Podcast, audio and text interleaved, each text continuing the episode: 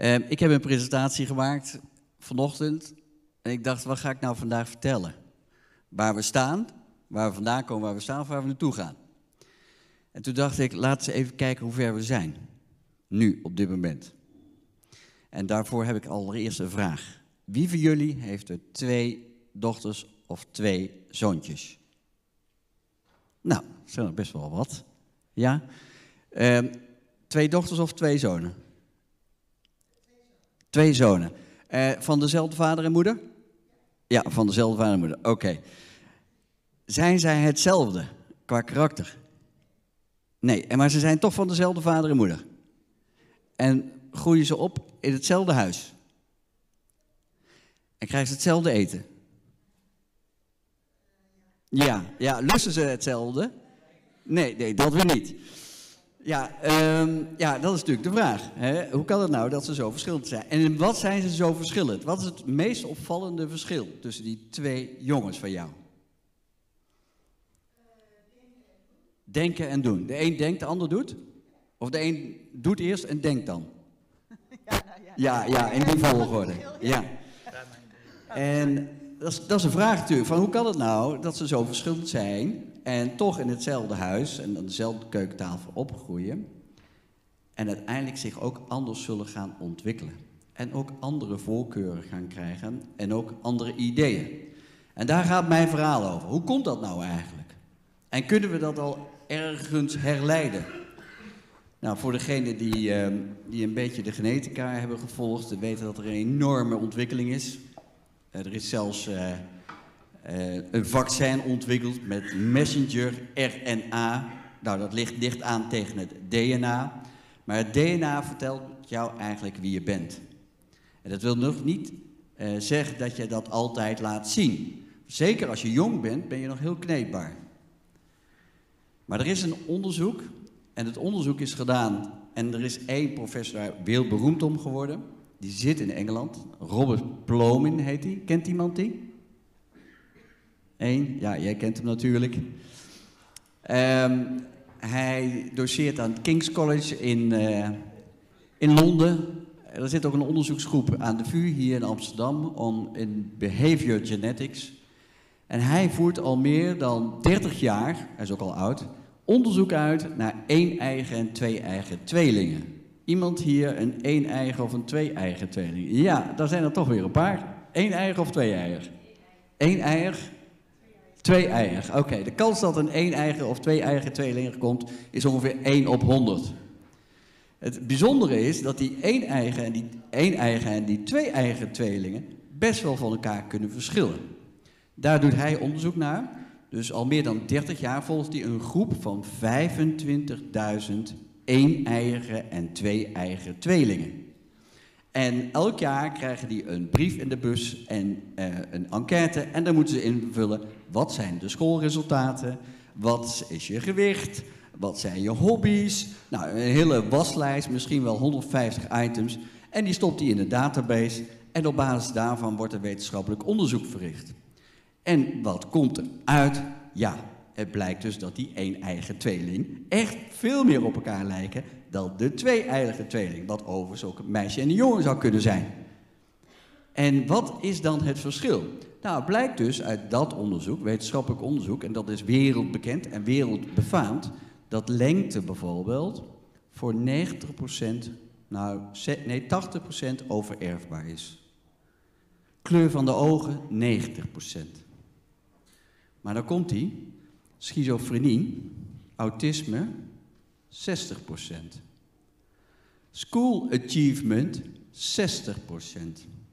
En zo is er een heel rijtje, staat ook in het boek, staat ook in het onderzoek, kan je ook gewoon op PubMed, kun je dat teruglezen als je even googelt, eh, wat de overeenkomsten zijn en de verschillen. En het blijkt eigenlijk dat hij zegt van ja, DNA is who we are.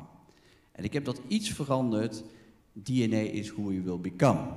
Want uiteindelijk ga je steeds meer op je DNA lijken als je wat ouder wordt. En iedereen kent het gezegde, je gaat steeds meer op je vader of je moeder lijken. Dat wil je vaak misschien niet. Maar het is wel waar. Je gaat steeds, of op je opa of oma, maar je gaat steeds meer eigenlijk uh, doen waar je eigenlijk goed in bent. En waar je, wat eigenlijk in je DNA zit. En kunnen we dat aantonen? Ja. Dat kunnen we tegenwoordig aantonen met de technieken die we hebben en met het onderzoek wat we doen. Nou, ik ga dat gewoon kort aan jullie uitleggen, hoe we dat kunnen aantonen en wat dat voor impact zal hebben voor de toekomst. En dan zeg je, ja, wij, wij doen assessments. Uh, ik kom nog uit de tijd dat het niet gebruikelijk was als werkgever dat je mensen een assessment liet doen voordat je iemand liet binnenkomen. Uit die tijd kom ik nog. En in Amerika heb ik ook nog een tijdje gezeten, in Silicon Valley en ook nog in New York. En dan mochten we nog niet eens vragen hoe oud iemand is. Hè? En mocht je nog niet eens vragen wat zijn, waar die vandaan kwam. Dat mocht nog niet eens. Ja, je mocht nog wel vragen gender. Dat mocht nog net wel. Maar heel veel dingen mochten we niet. Tegenwoordig vinden we het al heel normaal. Ook mijn vorige spreker die zegt, ja, mensen doen dan vier, vijf assessments. Nou, ik kan jullie één ding vertellen. Geef mij het assessment wat jij hebt. Geef mij, laat mij het maken. Geef van tevoren aan wat eruit moet komen en ik zorg dat het eruit komt. Ja, dus ik kan het zodanig manipuleren. Eh, kijken gewoon wat wordt er ongeveer voor antwoorden verwacht. En dat is toch wel opmerkelijk, want er zit een bias in, er zit wat ruis in. Want hoe we denken wie we zijn, is dat ook zo? Klopt dat ook? Nou, als je vader nou maar lang genoeg tegen jou verteld hebt dat je niks kunt, en dat nou maar honderd keer, honderdduizend keer heeft herhaald, misschien ga je dat ook wel over jezelf denken. Nou, dat is heel vervelend. Als je zo'n gedachte van thuis uit meekrijgt. Maar ons, onze persoonlijkheid wordt gevormd door onze overtuigingen. En zo ook van dit team wat achter mij staat. En dit is een team uit Beijing. Ik was vlak voor de uitbraak van uh, corona, was hier geloof ik op 13 maart 2020. Um, ehm, uh, was ik in, uh, in China, in Beijing, in Shanghai. En dit is een foto van uit Beijing. En hier het, het gaat hier om een, de voetbalbeloftes staan hier opgesteld. Het zijn allemaal jongetjes die potentie hebben en eigenlijk de Ronaldo van deze wereld willen, van deze tijd willen worden. Dus daar moet je vroeg mee beginnen met talentontwikkeling. Ze, ze kunnen allemaal goed voetballen. Alleen kijk even naar dat vijfde jongetje met die broek aan. En het heeft ook geen schoenen aan, want het is een beetje over de zeik of over de mik. Want dat jongetje heeft net te horen gekregen dat een uh, keepercarrière, een keeperscarrière, er voor hem niet in zit. Dat heeft hij net te horen gekregen. Hoezo? Heeft hij geen talent om te keeper? Dat heeft hij wel. Maar deze, dit jongetje, daar is een medisch onderzoek bij gedaan. En het blijkt dat dit jongetje niet 1,90 meter wordt, later, maar 1,70 meter. Dat is ongeveer een beetje mijn lengte. Ja, en 1,70 meter voor keeper, dat is een beetje vervelend. Zeker als je in, uh, in, uh, in, het eerste team wil gaan spelen. En dan denken, oh, maar dat is China. Nou, ik zal je één ding, één ding vertellen. Ik weet niet wie hier weer uh, voetballende kinderen heeft. Maar dat is ook in Nederland. En dat wordt ook bij Ajax gedaan. En het wordt ook uh, bij FC Den Bosch gedaan. Want ga je nou tien jaar lang iemand ontwikkelen die uiteindelijk te klein blijkt te zijn voor keeper? Ja, het is wel handig als hij 1,90 meter wordt. Heb je daar veel invloed op om die lengte dan te manipuleren gedurende tien jaar? Niet zoveel. Je kunt in geval zorgen dat hij voldoende eten krijgt, want dan groeit hij ook wel. Dat kun je wel doen. Maar je kan niet zorgen dat je van 1,70 meter naar 1,90 meter gaat. Dus wat wordt gedaan, ook bij de Ajax-jeugd, worden dit soort testen afgenomen. Dus er wordt gewoon gekeken, gewoon hoe groot gaat dit jongetje worden. En naar waarschijnlijkheid natuurlijk. En gaan we in, dit, in deze pupil, gaan we daar in de komende tien jaar investeren. Zodat hij de nieuwe van de SAR gaat worden. Want ja, dat is toch de droom. Nou, dit jongen heeft, dat, heeft dat te horen gekregen en kijkt een beetje chip. Maar hij heeft wel talent als voetballer, maar uiteindelijk ook talent als keeper, maar gaat het uiteindelijk niet worden. Um, dus ik ga even dan naar de volgende slide. Even kijken of ik snap hoe het werkt. Zo. Nee, zo. Ja. Dit is wat, wat ik tegenkwam, en dan moet je goed opletten op de datum op 6 september 2018. En ja, de winterspelen in Beijing die staan voor de deur. Uh, China to use genetic testing athlete selection for Beijing. Um, daar kunnen we daar iets van vinden. Maar u weet allemaal wat China, wat de plannen van China zijn. voor 2049? Nou ja, Taiwan hoor ik hier. Zou kunnen. Overigens breekt er dan wel een derde wereldoorlog uit, dat kan ik al voorspellen. Als China Taiwan aanvalt. Maar wat, ga, wat heeft Xi Jinping voor ogen? In 2049 wordt het 100 jaar bestaan van China, Republiek China, gevierd. En wat heeft uh, Xi Jinping gezegd? Ik wil dan dat we op de Olympische Spelen alle gouden medailles winnen. Alle. Hadden ze de afgelopen keer in Tokio al veel. Maar ik wil ze allemaal winnen. Ja, oh, nou, dat is nogal een ambitieuze doelstelling. Als je je een beetje verdiept in de cultuur en in de aanpak, uh, in de cultuur van de Chinezen. Die zijn natuurlijk heel lang onderdrukt geweest door alle westerse mogelijkheden. Hè. De Duitsers, de Fransen zijn er geweest, de Engelsen, de Amerikanen. Die hebben allemaal stukken van China destijds ingenomen in de 18e en 19e eeuw. Dan moet je dit niet onderschatten. Want dit gebeurt dus echt. Wat zij doen op grote schaal, komt niet, uh, komt niet in de publiciteit. Maar wat ze doen, zij, nemen een, zij kijken naar een aantal genen van, uh, van topsporters. En vergelijken dat met de genen van uh, top of van jonge talenten. En dan weten ze ook of ze die moeten gaan doorontwikkelen, ja of nee. Nou, daar zeg je nogal wat mee. En kunnen we dit hard maken? Uiteraard niet. Dit zijn veronderstellingen. Maar als je kijkt naar de ambities die China heeft om in 2049 alle gouden medailles te winnen, dan denk ik dat er toch wel serieus naar gekeken moet worden. En 2049 is nog ver weg. Hè? En we hebben nog een aantal Olympische Spelen te gaan, dus je kunt dat bij stapje bij stapje doen. Maar het is toch wel goed om ernaar te kijken. En goed te realiseren, uh, hoe kan dat dan? Hoe doen zij dat dan? Uh, kan dat dan? Kun je tegenwoordig al kijken of je ergens aanleg voor hebt? En ja, dat kan. Hè? Dat heeft Robert Plomin al goed uitgezocht, de prof in uh, King's College. Maar dat kan heel goed. En ik zal een klein stukje inzoomen. En ik ga een klein stukje inzoomen op leiderschap. Zodat je even, even kijkt, oké, hoe kan je nou leiderschap eruit uit je DNA halen? En het type leider zelfs. Daar ga ik jullie in meenemen. Oh, dat hebben we al gehad. Ga ik naar de volgende. Dit is ook nog even. Uh, kunnen mensen Chinees zijn? Er mensen die Chinees kunnen lezen in de zaal? Ik toevallig wel. Um, daar staat uh, uh, Xiaoyu Shemme Fazang. Dat is de, groene, de, de, de onderste groene regel. Dus kinderen, hoe moet je die ontwikkelen?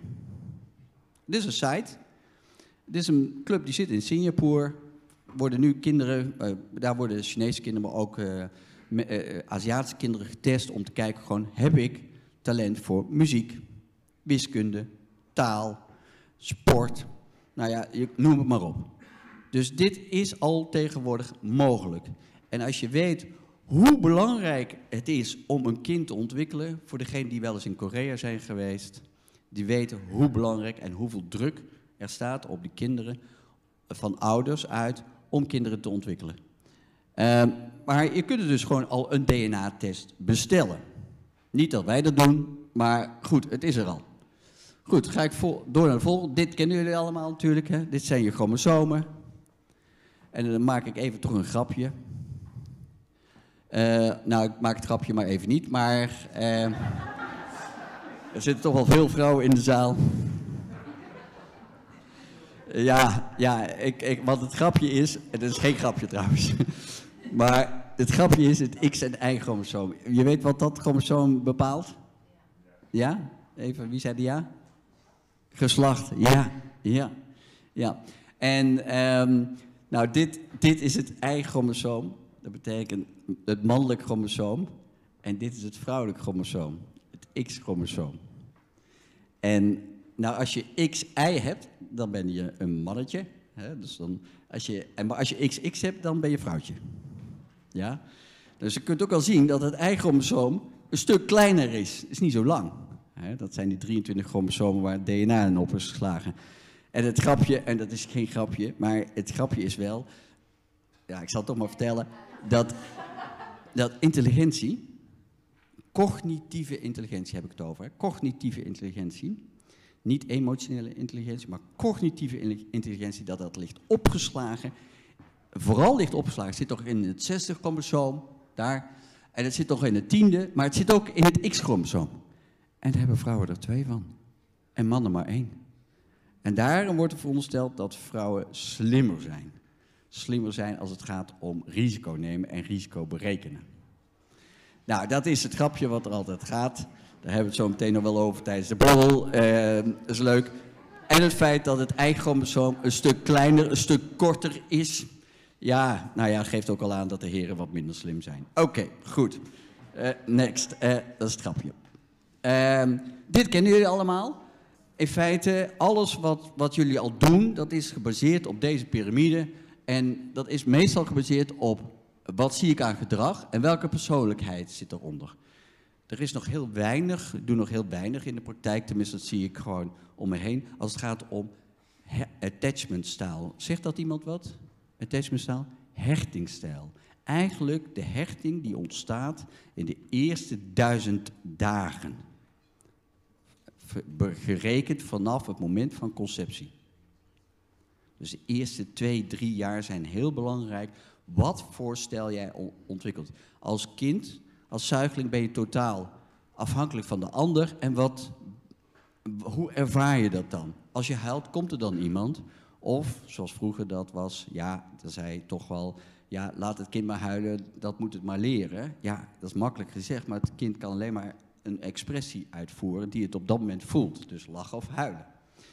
Um, attachment style is eraan toegevoegd en hier ligt eigenlijk het grote werk wat nog moet gebeuren waar Robert Plomin en zijn hele staf al jaren mee bezig is.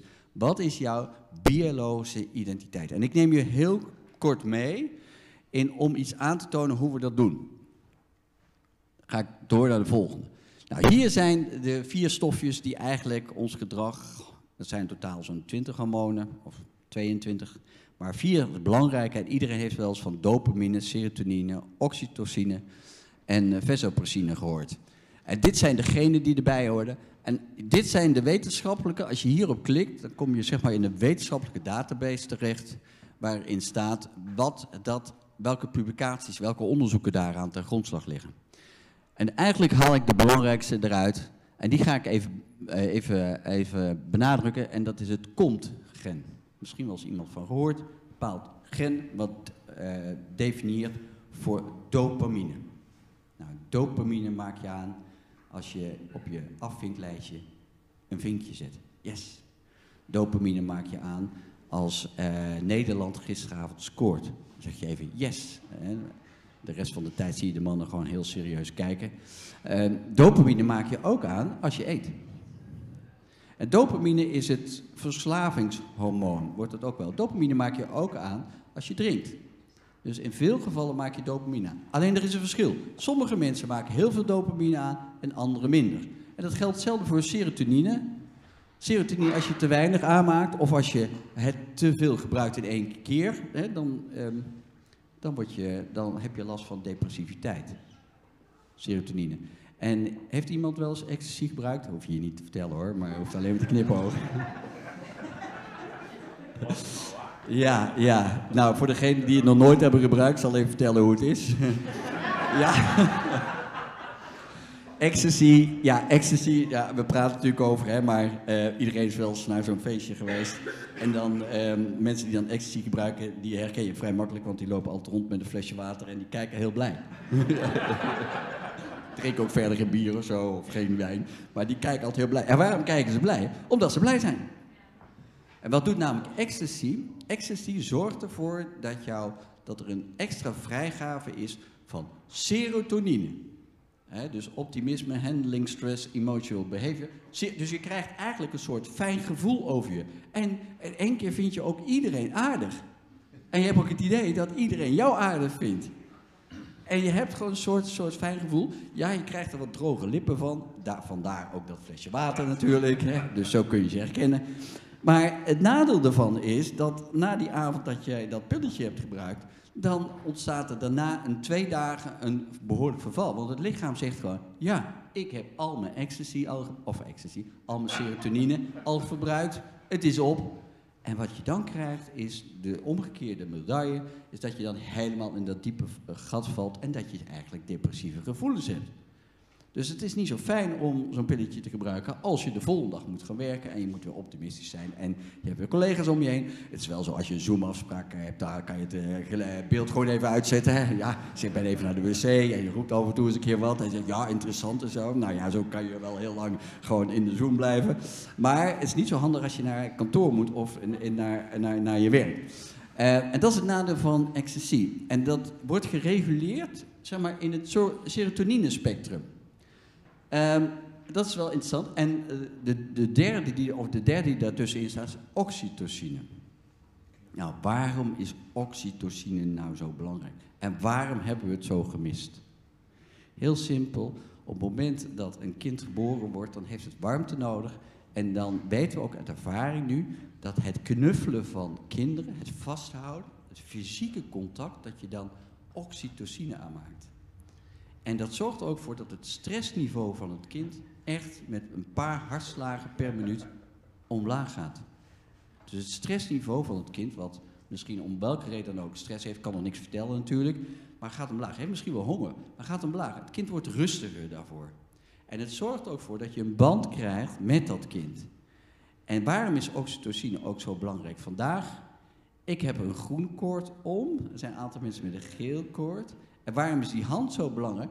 Bij het geven van die hand maken wij ook weer oxytocine aan. En oxytocine uh, stimuleert het vertrouwen. Oh, na vijf minuten hoor ik. Oké, dan ga ik even. Uh, stimuleert het vertrouwen. Nou, dus, maar dat is genetisch bepaald hoeveel je aanmaakt. Nou, ik heb zelf een, een technische universiteit gedaan. En uh, als je dan maandagochtend op school komt, dan vraag je aan je medestudenten van hoe was het weekend? Ja, goed. Oh, uh, ja, heb je nog iets leuks gedaan? Ja, ja, ja, ja. Oké. Nou, en dat was het dan ook, hè? En uh, dan gaan we weer uh, over tot de orde van de dag. Ja, terwijl je ook wel andere ontmoetingen ziet waar, je gewoon, waar veel geknuffeld wordt. En dat knuffelen zorgt voor vertrouwen. Dat heeft te maken met oxytocine. En mensen die in het autistisch spectrum zitten, maken per definitie minder oxytocine aan. Goed, ik heb nog vijf minuten volgens Bas. Loop ik er even doorheen. Dit is een heel belangrijk uh, gen voor leiderschap. Heb je een leider die uh, uh, bijvoorbeeld een bank moet leiden? Nou, dan is het niet zo handig dat je, dat je hoog in dopamine zit. Want bank leiden betekent veel procedures, veel structuur. En dan moet je laag in dopamine zitten. Dus dan heb je meer een structuurman of vrouw nodig. Nou, we kunnen op basis van onderzoek, genetisch onderzoek, en dat is heel simpel. Dat is gewoon je speeksel afnemen of, of een bloedsample via een venapunctie. Kunnen we achterhalen hoe jouw score hierop is. Heb je de 4R of de 7R? En wat voor consequenties heeft dat? Ja, als je dat, nou dit, is, dit laat, sla ik even over. Wat voor consequenties heeft dat? Dat je al diegenen die we dus nu definiëren in het oxytocine, dopamine en serotonine spectrum kunnen mappen naar die zes leiderschapsstijlen. En dit is niet altijd de leiderschapsstijl die je laat zien, maar dit is wel je voorkeurleiderschap, waar je dus van nature naartoe neigt. En dat betekent ook dat wij leiders of leiderschapsstijlen kunnen achterhalen middels genetisch onderzoek. En is dat nou van belang? Ja, voor long end wel. Want als ik in een crisissituatie terechtkom, dan heb ik niet een coaching, een coach nodig. Nee, dan heb ik een commander nodig. Als ik in een uh, pas startende of een, een organisatie kom die gaat groeien waarin ik iedereen mee moet nemen, dan heb ik een visionary leider nodig. En dan kan iedereen wel vertellen, ja, dat ben ik, hè, omdat ik het graag wil zijn en omdat toevallig iemand mij verteld heeft dat ik dat moet zeggen, of omdat ik denk dat ik dat ben.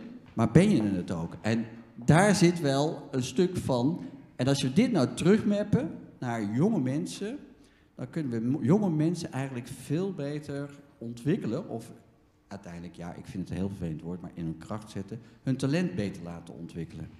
Nou, eigenlijk staan we aan nog het begin van die DNA-revolutie. En daarmee sluit ik af. En uh, voor degenen die echt geïnteresseerd zijn, raad ik aan om het boek van Robert Plomin te lezen. Uh, maar we staan nog aan het begin. Want dit is helemaal nieuw. En ook nog een beetje scary. En we vinden het ook nog een beetje moeilijk. Want wij denken toch dat wij allemaal kneepbaar zijn. Maar dan kom ik terug naar de dame die twee zoontjes heeft. Je zult zien hoe hard je ook werkt, hoe goed je ook je best doet. Die jongetjes zullen altijd verschillend blijven, ondanks het feit dat ze van dezelfde vader en moeder zijn. En hopelijk krijgen ze wat begrip voor elkaar. Maar hun karakters zullen misschien toch ook wel echt anders zijn. En dat heeft te maken met hun biologische identiteit waar ze ooit mee gestart zijn. Goed, dit was mijn verhaal. En ik kan me voorstellen dat er misschien nog enkele vragen zijn of één of twee vragen. Laat ik even aan Jojo. Ja. Een vraag. Dus uh, iedere keer als je bedrijf in een andere fase komt, moet je je CEO eruit mieteren en een nieuw aannemen. Uh, ja, ja, heeft iedereen de vraag gehoord? Ja, ik denk, ik, ik denk ook dat, uh, nou het, uh, natuurlijk is van belang dat een bedrijf wat in een andere fase terechtkomt, heeft ander leiderschap nodig. En de vraag is of dat met dezelfde personen kan. Dus het antwoord uh, ligt voor de hand, denk ik. Ja, als je iets gaat doen wat tegen je natuur indruist, dan kan je dat misschien wel doen, maar je zal er nooit goed in worden. Ik zal een heel simpel voorbeeld geven. Ik weet op basis van mijn genetisch onderzoek dat ik geen muzikaal talent heb. Of laag. Ja, kan ik piano spelen? Ja, het zal wel lukken, maar word ik er echt heel goed in? Niet waarschijnlijk. Heb je ooit een instrument gespeeld? Sorry? Ja. Ja? Heb je ooit een uh, instrument gespeeld? Ja, piano. En, was je er goed in of niet? Sorry? Was je er goed in? Nee, nee, nee. Maar wel lachen, ik heb twee, twee jongetjes ook. En ik heb gezien dat de ene jongen is daar heel goed in. Die speelt helemaal automatisch, vloeiend. Met dezelfde lessen, met dezelfde structuur op de, op de lagere school al. En die andere, ja, die is net zo houterig als ik. Het zal nooit een vloeiende piano virtuoos worden. Nooit. Ik ook niet. Ja. Dus ik kan wel piano spelen, maar ik zal er nooit goed in worden. Ik heb nog een andere vraag. Ik heb echt met uh, ja, open mond hier naar gekeken. Ik vond het fantastisch. Kan dit al worden toegepast? En zo ja, waar kan ik mij aanmelden? Ja, ja. Ja, dat is. Uh, um, ja, nogmaals, ik denk pas dat we aan de vooravond staan van een hele nieuwe ontwikkeling. waarin we dus accepteren dat dit oké okay is. Naast natuurlijk de assessments die we al doen. En ja, het kan al. Hè? Het kan ook in Nederland al. Ja. Via. Ja. Ja. Kijk, nog andere vragen? Ik heb zelf nog wel een vraag. Ja. Oh, hier. Nog, Nog? Klopt het dat we allemaal voor 99% hetzelfde DNA hebben, maar dat die 1% dus dit onderscheidt is? Ja. Ja, klopt het dat we allemaal van 99, eh, nou nee, niet 0,9, maar 99% hebben hetzelfde DNA, hetzelfde. We hebben twee, uh, we hebben twee ogen, twee, een neus, twee oren, uh, een mond. Het lijkt allemaal een beetje hetzelfde, maar 1% is verschillend. En die 1% maakt dat jij blond haar hebt en ik geen. En dat jij 1,85 meter, 1,90 meter bent. Uh, keeper. Ja, nog meer. En ik 1,70 meter. Die ene procent. Dus we kijken niet zozeer naar de overeenkomsten, hè, maar we kijken naar de verschillen. En dat is die ene procent, die moeten we zien te verklaren. En dat staat grotendeels ook in het onderzoek van Robert Plomen. Ja, onder andere hij, maar er zijn nog veel meer onderzoekers die dit doen. Ja, klopt. En als we naar het brein kijken, hoeveel komen we dan overeen? Sorry? Als we naar het brein kijken, onze hersenen? Sorry, ik verstond je niet. Als we naar het brein kijken, onze hersenen? Ons brein. Ja, ons brein is natuurlijk heel dynamisch, kan zich ontwikkelen. Je kan een stuk van het brein weghalen en toch weer dat, dat zodanig trainen dat het weer actief wordt. Dus andere delen weer trainen. Dus ons brein is heel dynamisch. En ja, ik ken het boek natuurlijk ook. Wij zijn ons brein. Ja, maar we zijn ook ons DNA. En daarmee sluit ik toch af. DNA is eventually we will become. Dus uiteindelijk ontkom je er niet aan. Ook jij niet.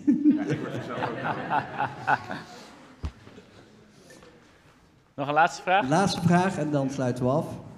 Uh, zijn er al bedrijven in Nederland die dit toepassen in selectie binnen recruitment? Ja, er zijn al bedrijven die dit toepassen. Die, ja. die je kunt noemen? nou, dat is meestal op basis van vrijwilligheid, talentontwikkeling. Ik weet dat een grote telecomaanbieder met een groen logo uh, 1000 euro per persoon per jaar beschikbaar stelt voor dit soort dingen.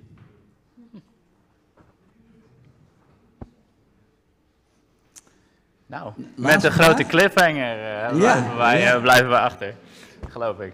Um, ja, jij nog een vraag? Wat, ja, ik, ik was benieuwd. Um, wat ik interessant vind is dat we natuurlijk een beetje gaan van een, van een model van extreme maakbaarheid. Hè? Van je kan alles worden en je kan alles leren. Daar zijn, daar zijn hele generaties mee, eh, mee opgevoed. Ja. Naar een veel meer deterministisch model. Ja. In die zin vind ik het ook wel weer grappig dat China daar dan eh, Ja. wat voorop mee loopt. Maar wat, i- wat, waar het interessant is, is natuurlijk wat ligt vast en wat is ontwikkelbaar. En je kan, natuurlijk, Ja. je kan dus heel goed zien blijkbaar wat vast ligt. Maar kun je ook in je DNA zien wat goed te ontwikkelen is? Ja. Nou, even terug over dat verhaal over die twee jongens van mij. Eén heet Karsten en de ander heet Quirijn. Eh, ik zie de een dus makkelijk spelen op de piano, de andere zie ik net zoals ik heel veel moeite doen. Hè? Een beetje blokkerig spelen. Het gaat om aanleg en susceptibility, aanleg. Aanleg zonder ontwikkeling blijft alleen aanleg. Dus als hij niet verder gaat op de piano, ja, dan zal hij nooit echt, echt een goede pianospeler worden. Dus het heeft ook wel, het moet wel ontwikkeld worden. Hè? Dus, dus ook dat is wel van belang. Hè? Dus het is niet zozeer dat susceptibility, het talent wat je in je hebt, als het niet ontwikkeld wordt, dan blijft het gewoon wat het is. Dus dat is wel belangrijk. En andersom? Ja, als het er is, als het er niet is, Ja. dan wordt het een harde strijd. Oké. Ja. Goed, bedankt. Goed, dankjewel. Goed,